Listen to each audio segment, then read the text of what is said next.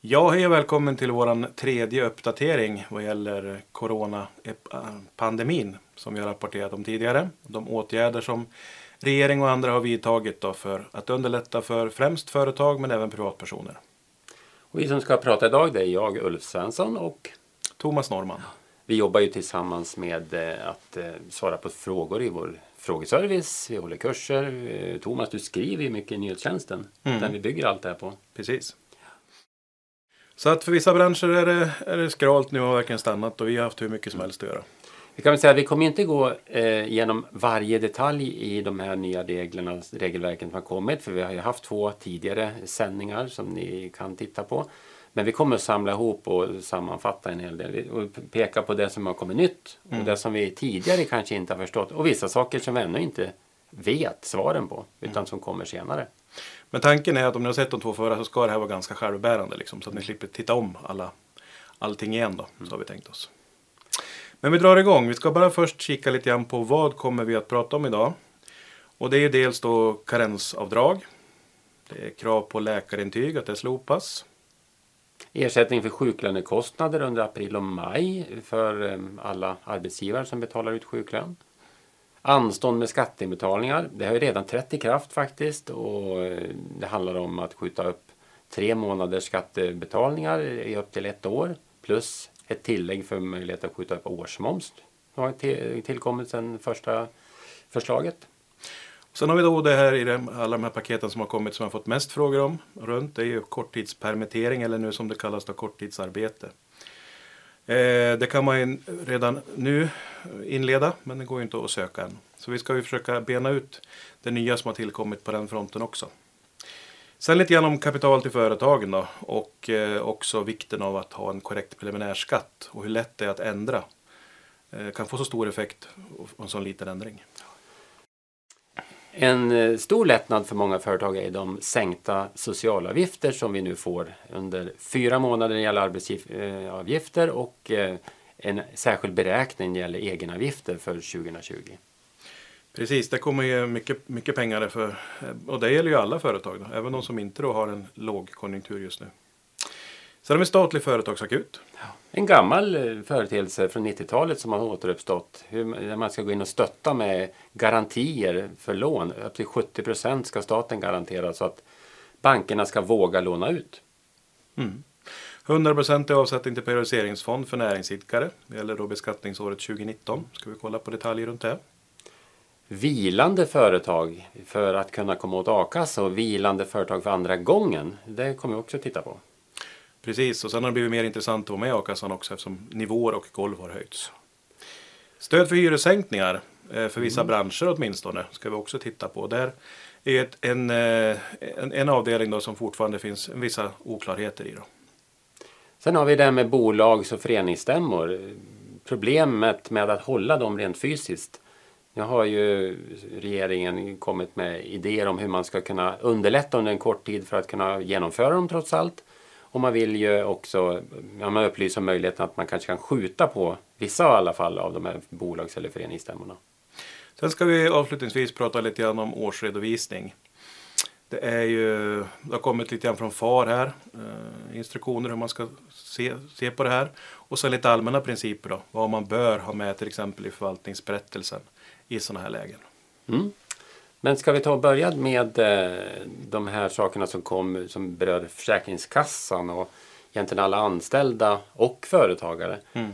Slopat krav på läkarintyg det är ju för att minska belastningen. Eh, det kommer det kunna vara väldigt många som blir sjuka och därmed tänker man att man ska inte behöva lämna in läkarintyg vid åttonde sjukdagen. Heller inte faktiskt vid dag 15 när man kommer till Försäkringskassan. Va?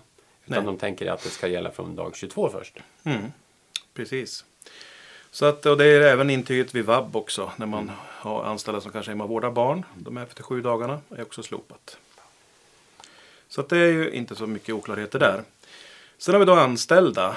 Då har vi då karensavdraget då, som ska ersättas via Försäkringskassan. Och det innebär ju då att arbetsgivare ska göra karensavdrag precis som vanligt. Sina, sina gamla hedliga regler om man säger så. Och sen får då de anställda i efterhand begära ersättning från Försäkringskassan för den här förlorade lönen. Då. Och det gör man retroaktivt via Mina sidor. Nu har, vi, har man meddelat från Försäkringskassans sida. Sen de anställda då, det är också lite lustigt. Va? Man får 700 kronor i sjukpenning då, oavsett karensavdragets storlek har man sagt. Ja, hur blir det egentligen? Man har flera arbetsgivare då? Ja, alltså då har man flera, det får man i alla fall bara ett avdrag. Mm. Och sen har man ju återinsjuknanderegeln också i sjuklönelagen. Så att jag menar, det blir ju inget nytt karensavdrag som ska göras om man återinsjuknar inom fem kalenderdagar. Eh, och sen har vi det med, med att man har många arbetsgivare. Då. Men just att det är 700 kronor i sjukpenning då, oavsett avdragets storlek. Man kan ju ha anställda som även i sådana här tider går hem kanske en timme eller en halv timme innan arbetsdagen är slut.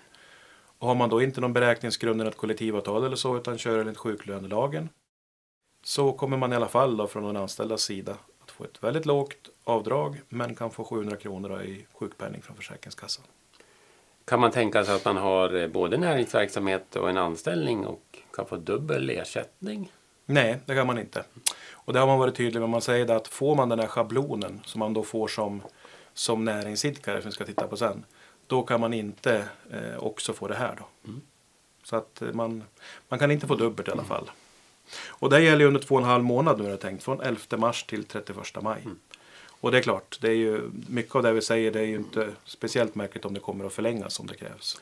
Det är mycket här som är öppet för förlängning, det kan man säga. Det får vi se hur länge krisen håller i sig. Till exempel det här med statens eh, stöd för sjuklönekostnader. Mm. Det är också väldigt enkelt förlängas. Nu pratar vi om att staten ska täcka all sjuklön, all sjuklönekostnad för eh, perioden april och maj. Och det kommer man då fylla i via arbetsgivardeklarationen i samma, den rutan 99 heter den väl va? För sjuklönekostnader. Och sen så eh, kommer staten att återbetala det utan, och utan ett tak för hur höga löner man kan ha. Det är mycket som känns lite sådär eh, generöst just nu. Precis, man kan ju tänka sig, man har ju pratat om full kompensation för sjuklönekostnader och det här är ju verkligen det. Mm. Säg att du har ett eh, företag som kanske har anställda, säg en VD eller något annat som kanske har en lön på 200 000 i månaden. Det är inte jag alltså? Det är nej, nej, någon annan? Någon annan, det var inte det jag menade. Faktiskt inte den här gången. Så eh, kommer man ju då att få i alla fall full kompensation och det var ju precis vad regeringen har utlovat. Så att det är ju utformat efter det. Och ägare till aktiebolag, samma system. Det här finns ju redan idag. Eh, ersättning för höga sjuklönekostnader. Då. Så att under en period så byggs det här ut då, eh, att bli mycket, mycket bättre. Är man lite misstänksamt lagd då, som till exempel jag, mm. så kan jag tänka mig att eh, under april och maj kommer många företagare att vara sjukskrivna.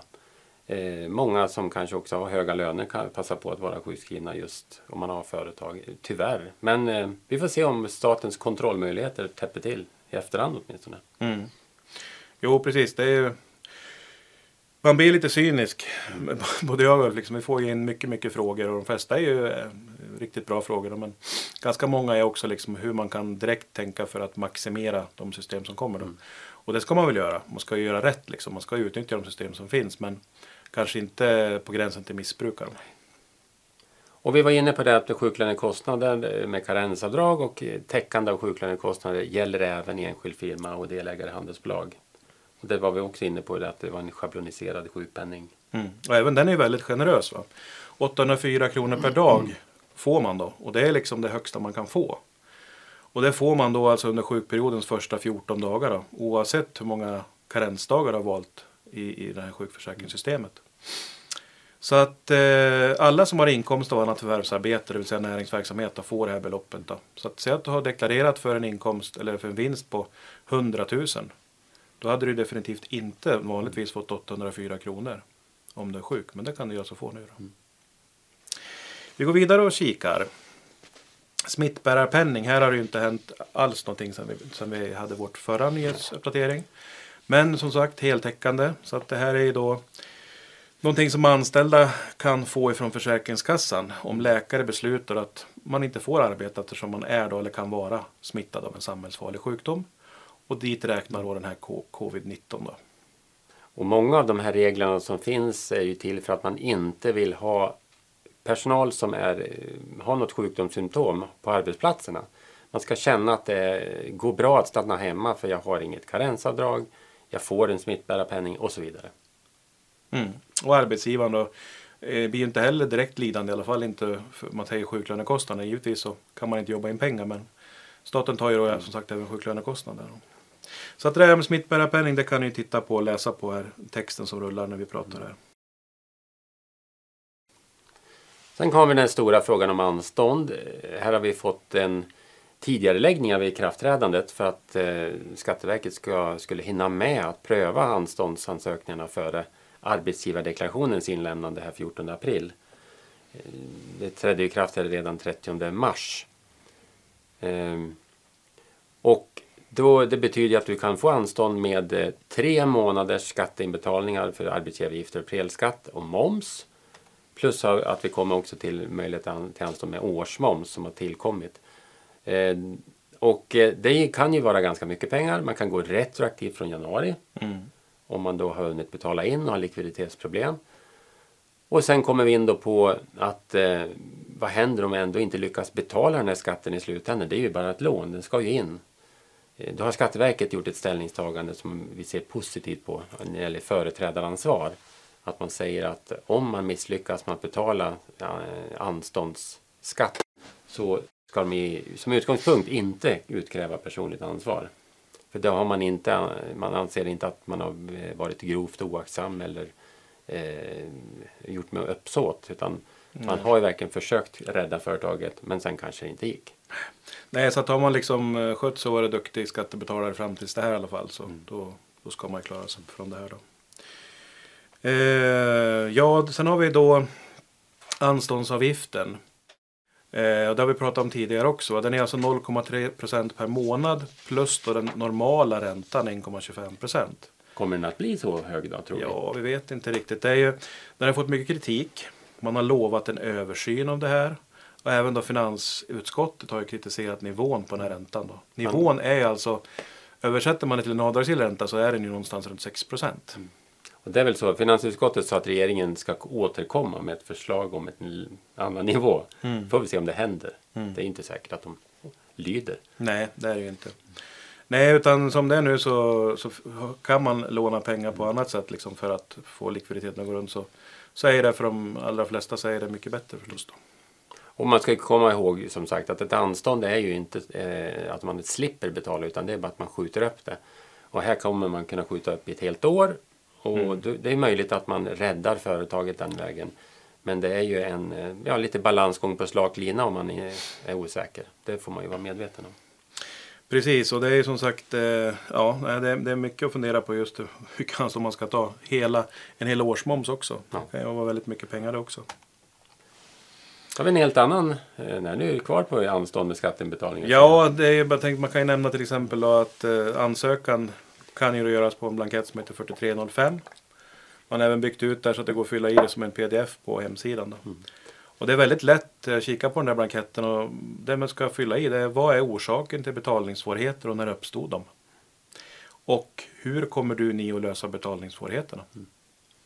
Det är nästan bara det de vill veta. Det är ju inte helt enkla frågor heller egentligen hur vi ska lösa det. Men Eh, det är tänkt i den här situationen, den akuta situationen, så kommer Skatteverket ha väldigt stor förståelse för att man får plötsligt behov av likvida tillskott. Mm. Och att det kan bli bättre sen. Så att eh, jag tror inte att man kommer att eh, granska de här superhårt. De kommer att hantera dem skyndsamt. Mm. Precis. Med Jo, det har man ju sagt åt dem också att det ska hanteras skyndsamt. Men nu byter vi ämne. Nu gör vi. Och det är ju nedsatta socialavgifter då. Och eh, tittar vi här så har vi då eh, löner först, alltså arbetsgivaravgiften då. Att den ska vara endast 10,21 procent, alltså pensionsdelen. Under perioden då 1 mars till 30 juni. Så fyra månader får man betydligt lägre, 20 procentenheter lägre arbetsgivaravgifter. Dock på löner upp till 25 000 eh, bara, det är inte så bara. Men har man högre löner för en viss anställd, ja på den delen blir det fulla arbetsgivaravgifter. Och man kan få den här nedsättningen för 30 anställda. Så ett företag med många anställda kommer, och med löner över 25 000 på varje, de kommer att få ganska stora pengar per månad. Mm. 159 000 per månad kommer det att bli. För 5 300 per månad eh, per anställd kommer det här ge vid en lön på 25 000 eller mer. Och nu är vi inne på sådana saker som eh, anstånd sa då kommer det surt efter. Här kommer det ju inget surt efter så, utan här, det här blir billigare. Eh, så här är det ju liksom jättebra grej. Och eh, eh, precis, vi kan ju nämna här också som har varit diskussion om hur det här ska, ska skötas då. Mm. och det är som sagt också via skattedeklarationen även här då. Mm. Och då har vi en ruta som heter 62. Och det kommer vara på individnivå så att man kryssar i den rutan för varje person den ska gälla. Mm. får man ju välja då 30 personer, i större, större företag så väljer man de 30 personer som man vet eh, slår i taket 25 000 i lön minst. Mm, och det har vi också fått lite frågor om. Om man väljer 30 får man välja några andra 30 nästa månad och det, det är ju helt okej. Okay. Mm. Så jag tar 50 anställda och så väljer du 30 av dem första månaden. Då bör du se över den listan för att se att någon har varit till exempel sjuk eller man har varit haft semester eller jobbat mindre än tänkt så att man inte kommer upp till 25 000. Då är det bra att ta någon, givetvis de, de som har en lön över 25 den månaden. Får jag bara fråga, hur blir det för enskilda näringsidkarna och delägarna handelsbolag när det gäller nedsatta socialavgifter? Det berörde vi inte. Nej, det gjorde vi kanske inte. Vi tar det på en gång. Ja. Eh, då säger man att det är 10,21 procents eh, egenavgift upp till 100 000 i underlag sett över hela 2020. Så på de första 100 000 underlag, det motsvarar ju fyra månadslöner 25 000 så det stämmer ju. Det här är 10,21 och sen är det de vanliga egenavgifterna på belopp därutöver. Så det gäller ju förstås på samma sätt som att man ska ha förmåga att betala ut lön. Om jag är själv i mitt aktiebolag och vill ha nedsättning, jag måste ju ta ut lön. Och samma enskild firma, det måste ju ha en vinst för att det ska kunna bli nedsättning. Mm. Så det rimmar ju ganska bra, men det är en annan teknik. Men alla omfattas av samma nivå, kan man säga. Precis. Men nu är det till någonting som inte aktiebolagsägarna omfattas av. Nej. Precis, och då är det en bra brygga där med näringsidkare till näringsidkare. Ja. För här har vi då en möjlighet att sätta av 100% av eh, vinsten då, eh, för 2019 eh, till en periodiseringsfond. Och det högsta man då får sätta av det är en miljon kronor. Lagregeln är utformad som så att du får välja mellan att sätta av 100% av vinsten eller 30% av vinsten. Så man kan inte kombinera de här två reglerna. Och det med 30% av vinsten det är alltså de vanliga reglerna för periodiseringsfond. Då. Nu är det nog väldigt få som behöver fundera på det här därför att man stöter väldigt sällan på enskilda näringsidkare med vinster på över en miljon eh, på årsbasis. Det ska ju vara någon som lyckas ha det i så fall för att man har ägande, mm. för att det är svårt kanske att ha det i ett bolag som skogsinnehav eller gårdar och sånt där. Men det är, det är väldigt sällan. Ja, först tänkte man, ja men 130 procent kan man ju inte sätta av. Nej det är klart, men 100 procent på en miljon och 30 procent därutöver skulle man kunna tänkt sig, men så ja. är det inte alltså. Nej. Men en miljon, det är ju mycket. Det är ju som sagt, som Thomas säger, det är inte många som har sådana vinster. Men det skulle ju kunna vara så. Mm. Och det kan ju också vara så att man laborerar lite med tidigare års eh, deklarationer och ändrar i avsättningar då. Kanske få fram ett högre resultat 2019 tack vare att man har ändrat från 2018 och tidigare. Mm. Ändrat P-fondsavsättningar och så återför man 2019, får ett högre resultat så att man kan göra en 100% avsättning. Och tycker ni det låter konstigt när Ulf säger att man ändrar, då är ju reglerna sådana att du får ju ompröva deklarationerna fem år bakåt i tiden. Och det får du ju göra hur många gånger du vill. Alltså, ja, varje vecka om det skulle kännas bra. Va? Och då kan du som sagt alltså flytta fram så att du släpper upp en rejäl vinst då, 2019 för att då kunna sätta av. Eh, det här är ju någonting däremot som kommer, som kommer givetvis surt efter. För någonstans ska det ju återföras. Då. Men man kan ju då tänka sig att då är man på grönare kvist och man kan ju då välja att eh, återföra det här i en betydligt lugnare takt.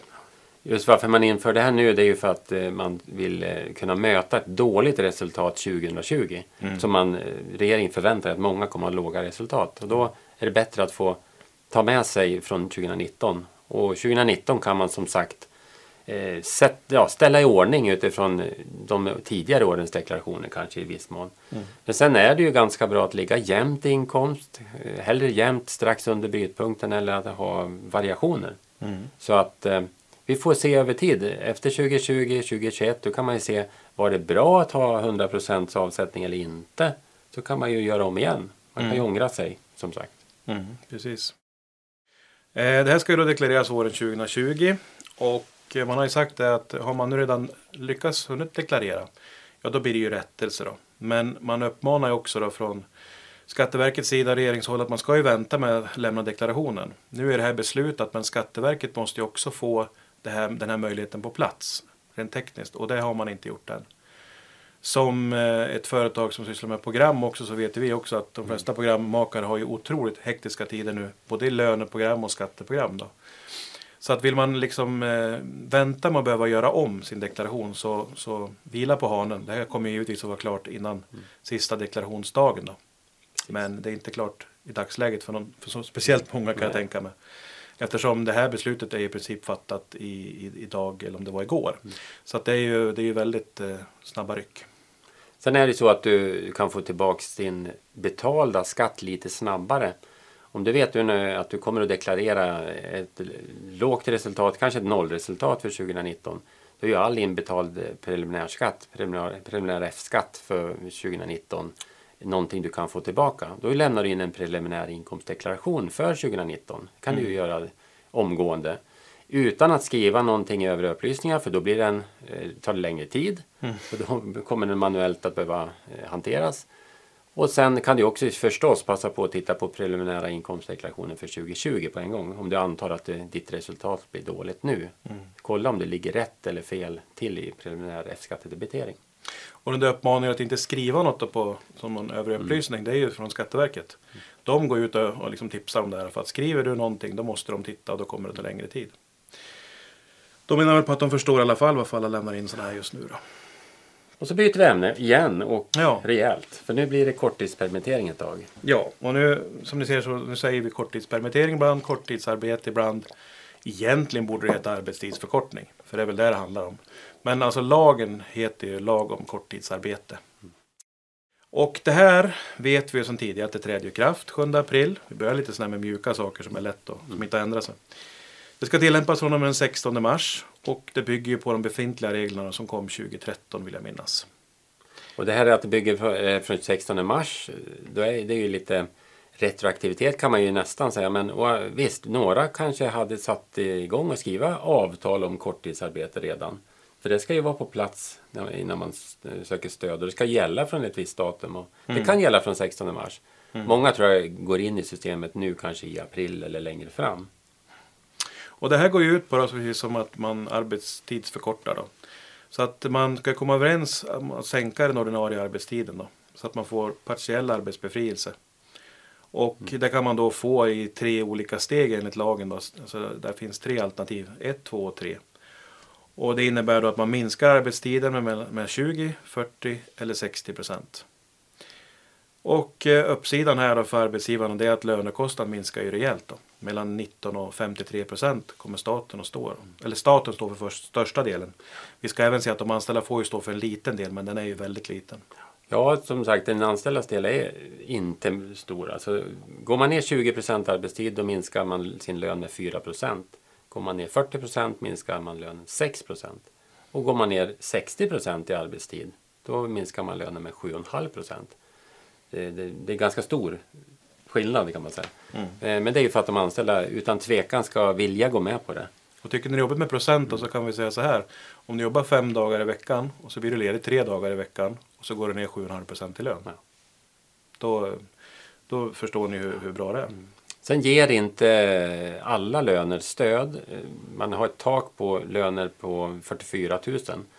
Löne, eh, lönenivåer över 44 000 ger inte stöd men den personens lön upp till 44 ger stöd. Mm. Precis. Eh, vi går vidare. Vi kan titta på den här bilden. Då. Här ser ni ju eh, rent grafiskt då. de här nivåerna vi pratar om med minskad arbetstid. Och hur lönen minskar, 4, 6 eller 7,5 procent. Eh, arbetsgivare står där och sen har vi då minskad kostnad för arbetsgivare längst ut och hur mycket staten står för. Sen är det ju just den kontanta lönen som är stödberättigad. Det är det man utgår ifrån i beräkningarna. Mm. Inte förmåner, inte tjänstepensionsavsättningar, semestersättningar och så vidare. Nej visst, och arbetsavgifterna de är liksom inräknade vid en ersättningsberäkning. Då. Så att eh, man, får ju, man får ju se det så helt enkelt. Då. Du har ju gjort en hel e-kurs om det här, om korttidspermittering. Du har flera räkneexempel ja. i detalj. I detalj, precis. Den är ju lite konstig den här beräkningsformen. Mm. Och det är svårt att förklara att arbetsgivaravgifterna är liksom med i beräkningen fast det syns inte riktigt. Nej. Och därför i den kursen då liksom för att trycka in det då mm, visar jag många olika grafer på det och tog exempel och så. Mm. Så att det skulle liksom sätta sig på allihop. Då. Nej, vi märker som sagt i vår frågeservice vad ni tycker är svårt att förstå och vad vi också tycker är svårt att förstå givetvis. Och det här är ju en av de sakerna. Och vi kommer också till ett antal saker snart som vi inte riktigt har svar på faktiskt. Fortfarande. Ja, precis. Det finns ju, antingen har man ju kollektivavtal mm. att utgå ifrån och då skrivs det avtal på lokal nivå om hur man vill ha det och då är det väldigt flexibelt. Det är ju en av fördelarna med att ha kollektivavtal att det blir ofta flexiblare. Eh, vi tror ju inte alla, men så kan det vara. Mm. Oh ja. Då kan man komma överens om olika avtal med olika arbetsnivåer för olika grupper på jobbet. Mm. Det kan ju vara väldigt skillnad mellan om man jobbar i produktion eller på kontor eller så. Mm. Annars om man inte har kollektivavtal då blir det ju ett avtal med de anställda direkt och då blir det generellt. Då kommer det bli lika för alla. Ja, alla inom driftsenheten, mm. precis. Så att man kan ju ha olika driftsenheter i ett företag. Men inom driftsenheten måste det bli samma erbjudande då. Och då måste ju minst 70 procent av personalen då godkänna det här. Eh, skulle man då inte få med alla på båten eller säga att då, ja, då faller det falla. Det är ju mycket svårt att tro för de allra flesta företagen då, eftersom som sagt den anställdas bidrag är så pass litet. Mm. Men man har också de här frågorna som vi har fått en del, vi säger att man får då 80 procent att skriva på. Vad händer med de andra 20? Och då tänkte man kanske först att jag, som ett kollektivavtal, va? är det skrivet så omfattar alla. Men så är det faktiskt inte eh, vid, eh, om man inte har kollektivavtal. Utan är det då 20 procent som inte har skrivit på det här avtalet, ja då kan de fortsätta arbeta precis som vanligt. Och det är ju det man tycker vore lite konstigt. Då jobbar man 100 procent för 100 procent av lönen förvisso. Men de andra kanske jobbar eh, bara 40 procent för 92,5 procent av lönen. Mm. Varför skulle man då inte vilja gå med i avtalet?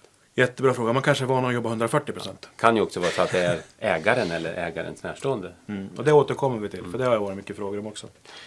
Så att eh, så ser det ut på avtalsfronten. Och skulle ni vara intresserade av det här så har vi tagit fram ett avtal för det här.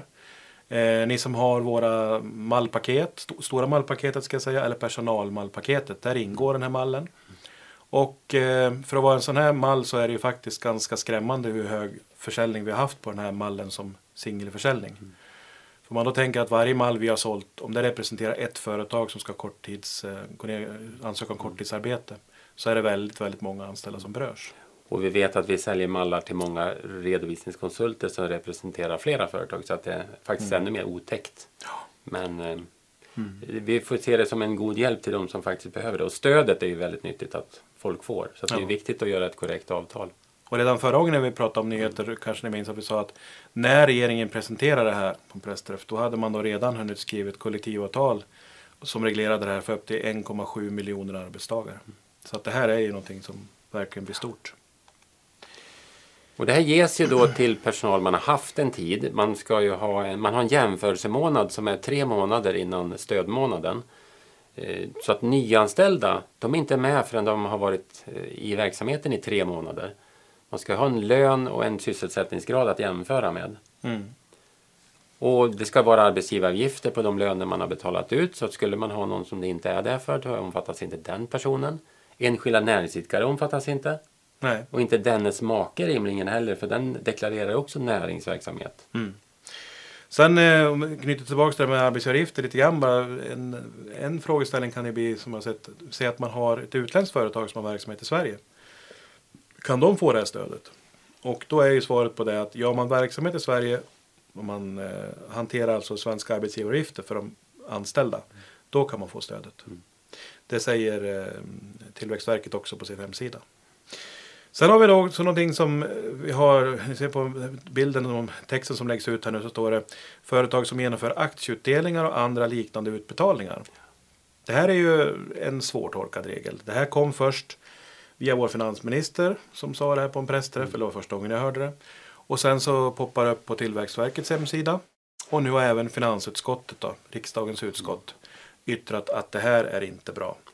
De sa ju det att en förutsättning för att, för att få stöd är att arbetsgivaren har allvarliga ekonomiska svårigheter. Det vill säga att arbetsgivaren i frånvaro av stöd skulle behöva genomföra omfattande uppsägningar.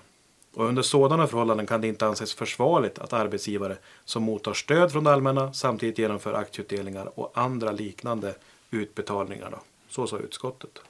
Så det är klart att eh, under en period nu när man är inne i att söka stöd så ser vi det som ett generellt råd att avhålla sig från aktieutdelningar överhuvudtaget. Mm. Sen kan man ju undra om, om, det, om Tillväxtverket kommer att vara strikt i sin tolkning här då, eller strikt i sin hantering. Mm. Oavsett nivå eller om eh, det gjordes i nära anslutning till att man gick in och sökte stöd eller om man hann göra det två månader innan. För backar vi tiden bara någon månad då visste vi inte ens om att det skulle komma sådana här regler. Nej. Så att, sådana utdelningar känns ju väldigt märkliga om de, om de skulle göra att man inte får stöd. Men som sagt. Ja, Tillväxtverket alltså de som ska hantera det här, alltså både godkänna det preliminära, det är bara preliminärt du får först, sen ska det ske en avstämning då och ska kolla den avstämningen. Mm. De säger så här nu på sin hemsida att eh, ser vi att ett företag som fått stödet agerar på ett sätt som visar att det inte befinner sig i ett svårt ekonomiskt läge då har vi möjlighet att reglera stödet vid avstämningen som sker efter att stödet beviljas, alltså i efterhand. Då. Och det här handlar just om då, gör, och då säger de gör stora aktieutdelningar. Det finns så mycket värdeord här va, som är väldigt svårt för oss att tolka. Vad är en stor aktieutdelning? Är det en procent av satsat kapital i företaget eller är det en belopp? Mm. Är det en stor aktieutdelning för en fåmansdelägare? Eller är det en stor aktieutdelning för Volvo? Det är ju en himla skillnad liksom. Men man bör alltså avhålla sig, tror vi, ja. eh, som småföretagare från aktieutdelningar en tid här. Eh, sen har vi det här problemet med eh, familj och ägare, tycker vi fortfarande delvis. Nu har man varit tydliga i finansutskottet och Tillväxtverket att familjeundantaget ska bort. Alltså familj ska omfattas, man ska kunna få stöd för familjemedlemmar.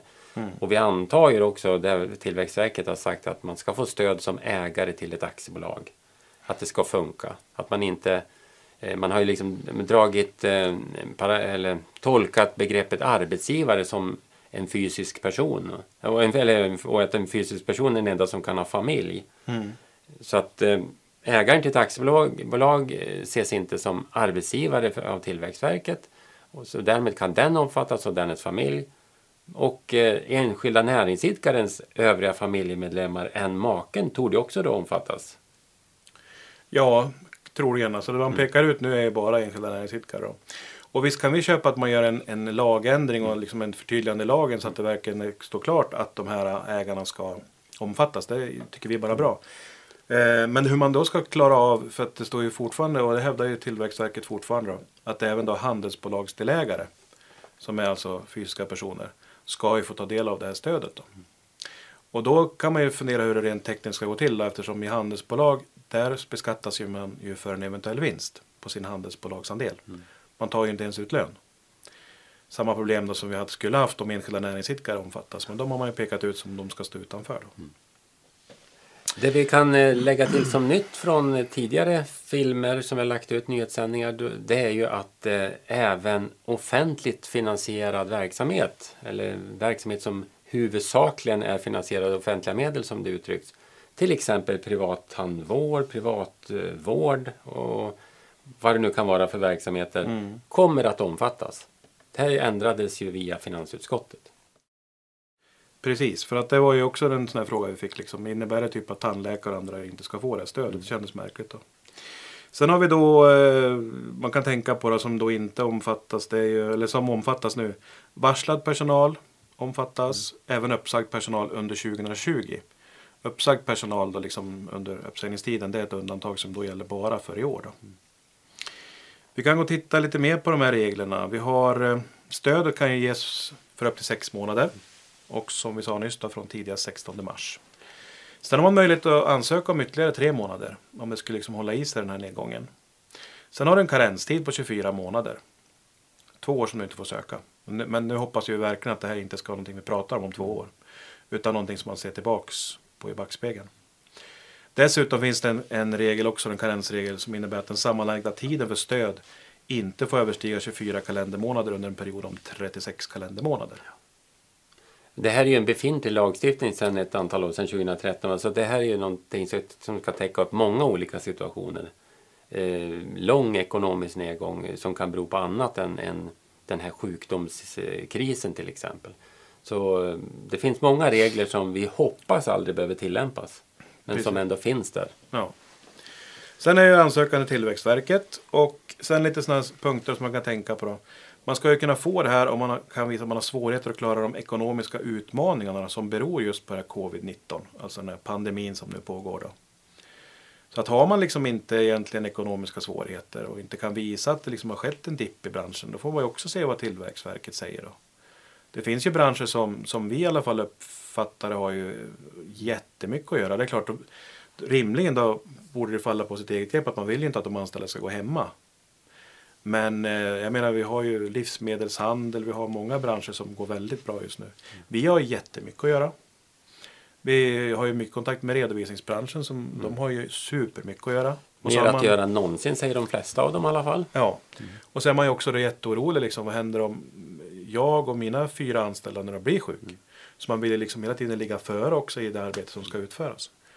Så att eh, om man nu skulle få den idén och vara i den branschen som har verkligen mycket att göra, då, då kan man nog nekas för att man inte har en ekonomisk utmaning som beror just på det här. Då. Det här är någonting som vi inte heller vet hur Tillväxtverket kommer att, att göra eller se på. Det finns ju företag som har en god ekonomi in i den här krisen och som klart kommer påverkas men kanske inte så att de hamnar på obestånd utan mm. eh, de har en sån solid bakgrund så att det, det, det, kommer att gå bra i alla fall. Och då kan man göra koppling till det här med utdelningen vi pratade om nyss. Va? Eh, det var ju det som fick finansministern att gå igång när väldigt stora svenska företag då precis när man då kanske är i den här krisen då beslutar att man ska dela ut x antal miljarder till ägarna. Då menar man på, ja har man en, en ekonomisk kris och man kan fatta beslut om sin utdelning. Ja, men så det är flera delar där som är såna bedömningar som inte vi vet än. Det kan ju visa sig i praxis med tiden men då är vi, tiden går ju rätt så fort och då kommer vi kanske titta bara tillbaka i efterhand och se att eh, den där borde inte ha haft rätt till eller den där borde kunna ha haft rätt till stöd. Och så. En annan grej då det är att man säger att man ska titta på andra tillgängliga åtgärder för att minska arbetskraftskostnader. Att man ska ha vidtagit dem. Och som exempel då säger man att man kanske kan försöka säga upp ej verksamhetskritisk personal eh, och konsulter då, som då inte är tillsvidareanställda.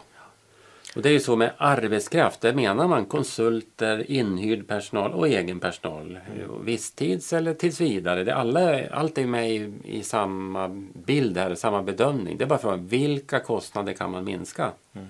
Vilka är verksamhetskritiska? Vilka har man avtal som är möjliga att säga upp med? Och så vidare. Läser man på Tillväxtverket först så kommer det ett stycke där man känner som att oj, oj, oj, det här måste vi säga upp. Konsulter allihop ska bort. Och i nästa stycke då lindras det liksom. Mm att ja, givetvis så kan man inte säga att man måste säga upp allihop de här utan är de viktiga för verksamheten och så här, då, då får man ju ha dem kvar. Då. Arbetsrättsligt så kan ju tidsbegränsat anställda om man inte har skrivit avtal på rätt sätt, de kan ju vara helt omöjliga att göra sig av med. Det finns ingen uppsägningsklausul. Sen har vi också, när vi kommer ner till eh, ekonomi igen då. Eh, eh, är man i företagsrekonstruktion ska man inte kunna få. Det är ju enkelt att bedöma. Mm. Är man på obestånd ska man inte få. Det är också halvenkelt att bedöma. Om man har, inte kan betala för sig eh, man har inte eh, som till, man har inte förmåga att betala sina skulder. Mm.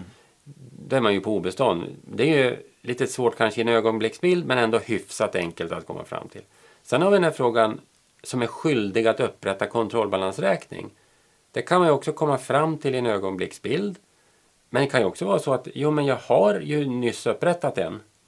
Mm, jag, jag, har fullgjort min plikt. Eller, eh, jag, men det, det, det jag klarade, ja, det, jag ligger i en nivå så att jag kan fortsätta verksamheten. Vad menas egentligen med att vara skyldig att upprätta? Diskvalificeras man om man har gjort den? Eller ska till att göra en? Oavsett mm. vad den ger för resultat? Eller? Man skriver, alltså det är också så här luddigt, men på Tillväxtverket står det vid datumet för ansökan, de här tre omständigheterna, då, obestånd, kontrollbalansräkning, företagsrekonstruktion. Då. Och precis som Ulf är inne på här, liksom, ja, men om man har upprättat för två månader sedan att du är i en fas och ska återställa aktiekapitalet då, enligt reglerna för kontrollbalansräkning. Är det då okej? Okay? Eller är det inte det? Så att det blir ju väldigt spännande att se det här. Mm. Sen kommer ju stödet att, eh, tänkt att, att hanteras skyndsamt. Alltså, Tillväxtverket ska handlägga skyndsamt och det ska betalas ut snabbt. Eh, sen blir det en avstämning och, och, det kan bli kontroller så att det kan bli återbetalningsplikt. Mm. Och det är ganska hårda regler. Liksom. Skulle man till exempel vara sen med en avstämning så innebär det att hela den preliminära utbetalningen kan få betalas tillbaka. Eller få tvingas betalas tillbaka. Så det gäller liksom att man har verkligen koll på, på regler och formalia runt det här om man går in i en arbetstidsförkortning. Men vi kan väl säga att eh, det här med korttidspermittering eller korttidsarbete det är ju för dem det, eh, som lämpar sig för det och som kvalificerar sig så är det en fantastisk möjlighet. Mm. Men det är långt ifrån alla verksamheter och branscher som vi egentligen tycker passar för det här. Mm. Nej visst, att, eh, ja, nej, och det har vi ju sagt tidigare sändningar också. Liksom, det, det spars inte på krutet. Sådana här åtgärdspaket så har vi aldrig sett förut. Det är historiskt och det bara fortsätter ju komma. Men det är väl så, i, när man kommer in och ska titta på korttidspermittering så förmodligen tittar man samtidigt på eller är det så att vi ska säga upp på grund av arbetsbrist? Mm. Man kanske till och med in, sätter igång båda processerna parallellt. Precis, ja men det tror jag och det är nog ganska smart. För jag menar, eh, inleder man den processen så går ju den alltid att eh, backa på. Liksom. Man börjar titta på MBL-förhandling och annat då, för att man ska göra en arbetsbristuppsägning. Eh, man kollar, ska man varsla Arbetsförmedlingen för att det är mer än fem som berörs av det här mm. och så går man vidare. För sen jag menar om man då har kollektivavtal så är det oftast ganska långa uppsägningstider där och kör man enligt lag så varierar det mellan en och sex månader.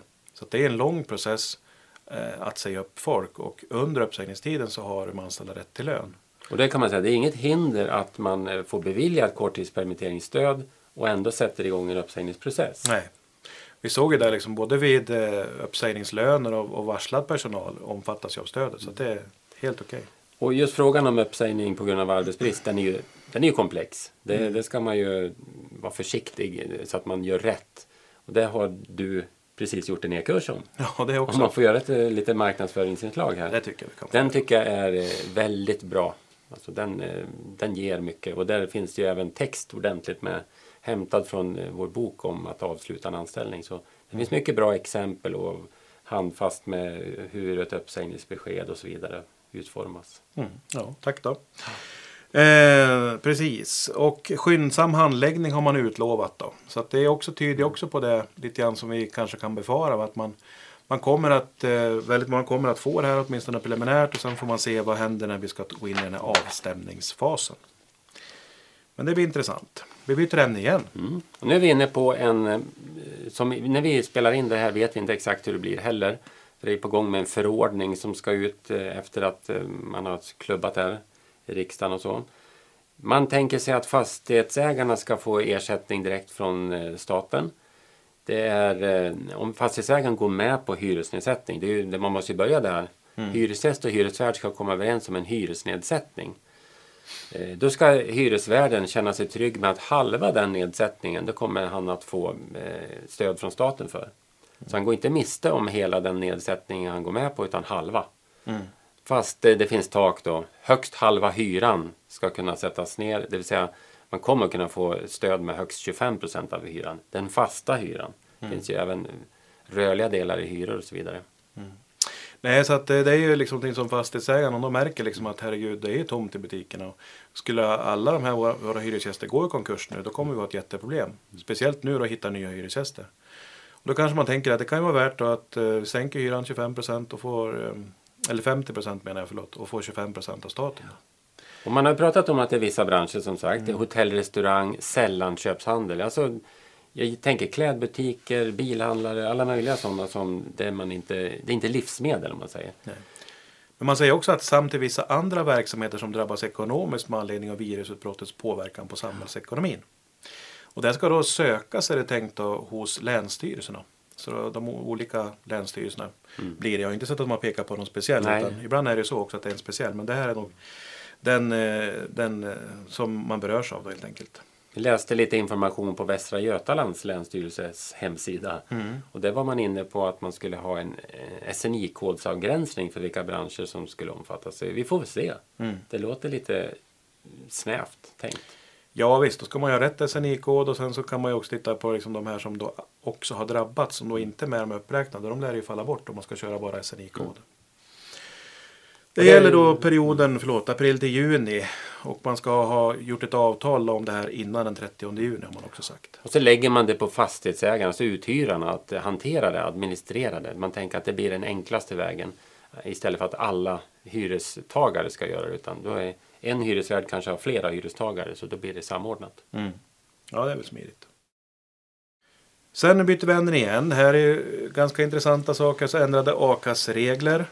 Första paketen som kom det var ju liksom väldigt mycket då för att eh, hålla hjulen igång för företagen då, som ni har sett. Det har ju varit anstånd och det är lägre socialavgifter för, för arbetsgivare och för näringsidkare. I paketet som kom eh, näst senast i alla fall, höll jag på att säga, det går så fort där.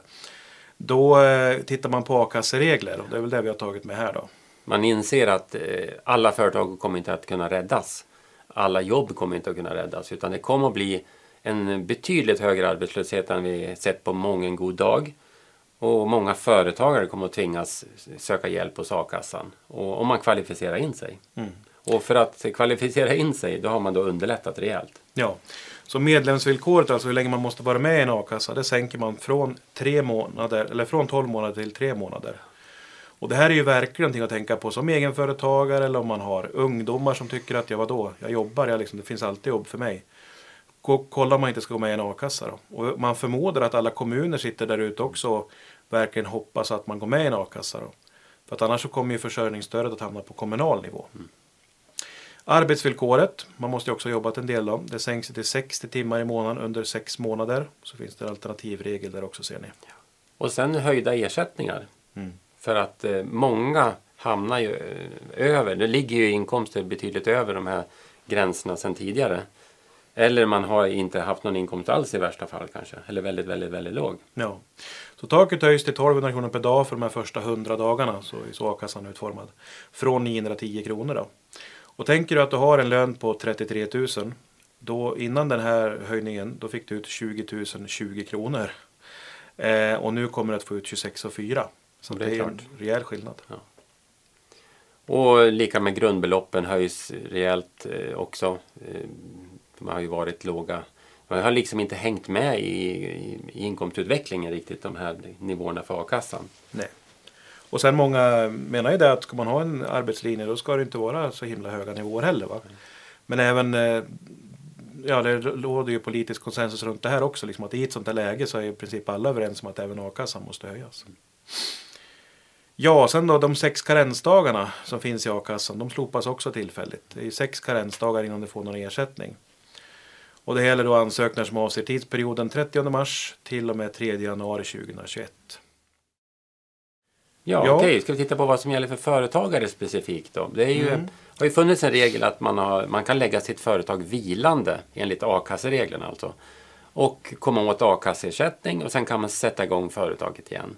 Det här är ju skattemässigt knepigt, i alla fall när man har enskild firma. Har man ett aktiebolag, handelsbolag, då, då lever ju de juridiska personerna vidare. Mm. Vilande eller inte vilande. Mm. En enskild firma är ju aktiv eller också finns den ju inte. Kan man säga. Alltså det här går ut på att man ska kunna lägga företaget vilande mer än en gång under en femårsperiod. Då. Men om man då tittar på, och ni, de här reglerna de är inte så himla de kan man ju se här på bilden också. Men eh, skattemässigt som sagt så är det ju spännande. Då. Vi säger att man ska till exempel. Om du är enskild näringsidkare och har sedan tidigare så har du kanske periodiseringsfonder fonder och så.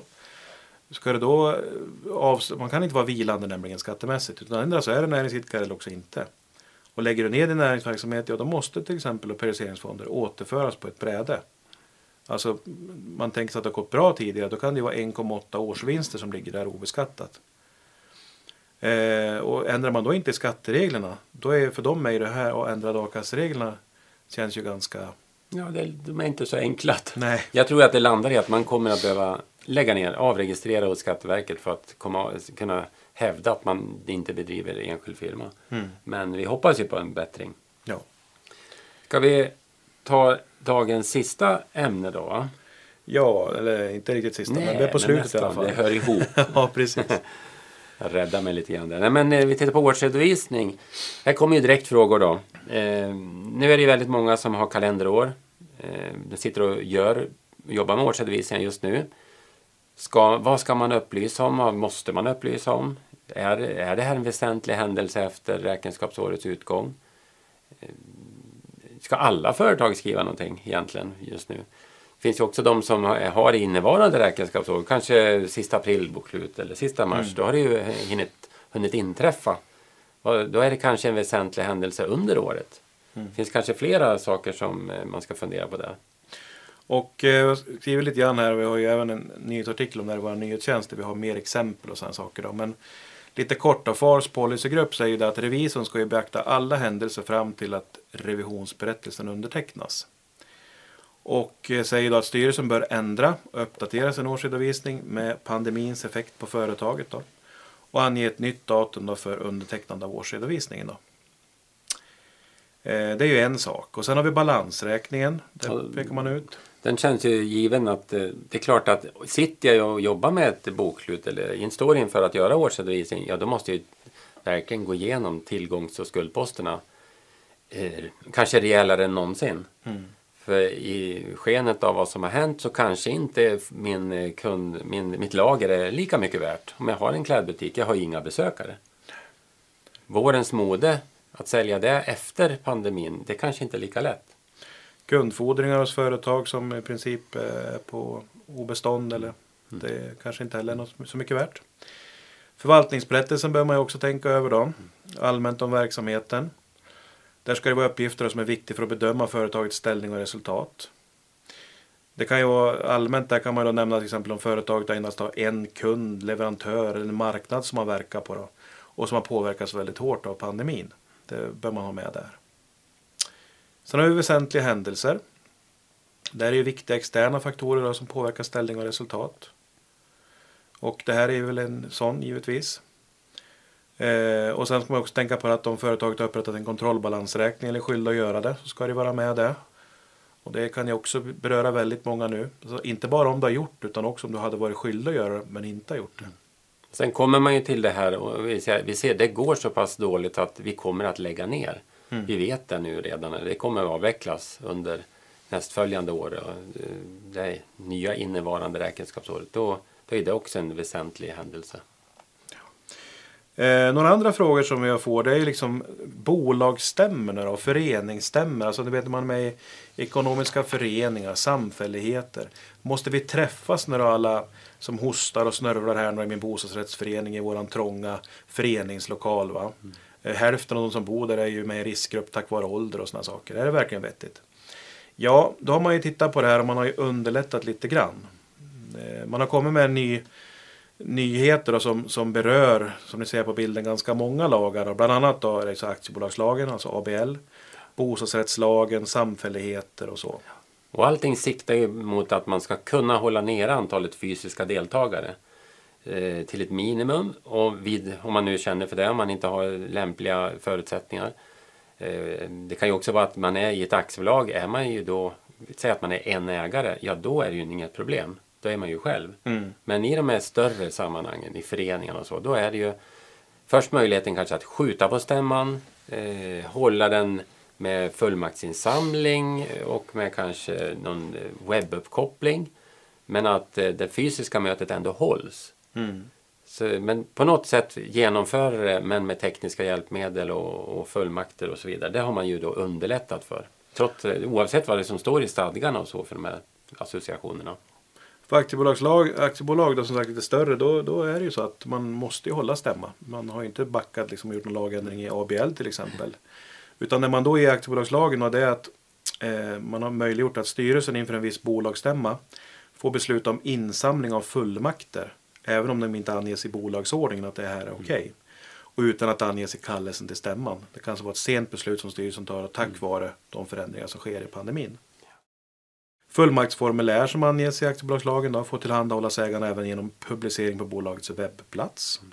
Och då ska de upplysningar som ska ges också enligt aktiebolagslagen även ligga där. Då. Eh, styrelsen får besluta att ägarna ska kunna utöva sin rösträtt per post. Även om det inte anges i bolagsordningen. Utan att anges i kallelsen till stämman. Mm. Sen har vi ju till exempel ideella föreningar som mm. inte omfattas av någon lagstiftning. Där har ju Folkhälsomyndigheten gått ut och sagt att man tycker att man ska skjuta upp stämmorna och bryta kanske mot stadgebestämmelsen. För att mm. eh, ur hälsosynpunkt är det viktigare än att genomföra årsmötet i tid. Mm. Får se hur många som hör samma där. Ja, precis. Det är ju spännande faktiskt. Sen har vi då det här med kapitalanskaffning till, till företag. Förstärka likviditet och överbrygga de här svårigheterna. Mm. Preliminärskatten har vi redan pratat om, föregående års och året. Se till att den ligger rätt. Lämna in ny preliminär inkomstdeklaration. Det är det enklaste sättet att förändra, förbättra likviditeten. Och som jag har rapporterat om tidigare, Riksbanken lånar ut 500 miljarder kronor till företagen via bankerna. Kanske blir aktuellt ju längre vi kommer in i den här krisen. Finansinspektionen har slopat den här bankbufferten som innebär att bankerna i Sverige ska kunna låna ut 45 miljarder kronor till. Eh, och sen säger man också där från Finansinspektionens sida att det finns skäl till undantag från amorteringskrav för hushållen. Det här är ett sådant skäl. Man har liksom verkligen sagt också att det har man tryckt in det på bankerna. Och bara här, i, om det var idag eller igår, så kom det ytterligare från Finansinspektionen på det här. Att man ska nu ge banker möjlighet att ge alla nya befintliga bolånetagare ett undantag från kravet på amortering. Eh, och det ska gälla till och med juni 2021. Från 14 april 2020. Så att eh, det är ju någonting som kan vara vettigt att känna till ifall man har en bank som tycker att det inte behövs. Banken har den möjligheten och är man motsträvig så kanske det finns andra banker. Och bolån har ju såväl företagare som anställda och har man mindre jobb som företagare eller tappar jobbet som anställd, ja det är klart att mm. all lättnad är ju en fördel och amorteringsfrihet kan vara en. Precis.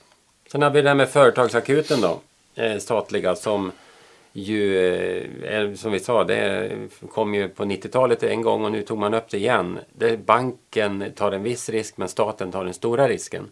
Och ganska höga lånesummor kan det vara på ett visst företag.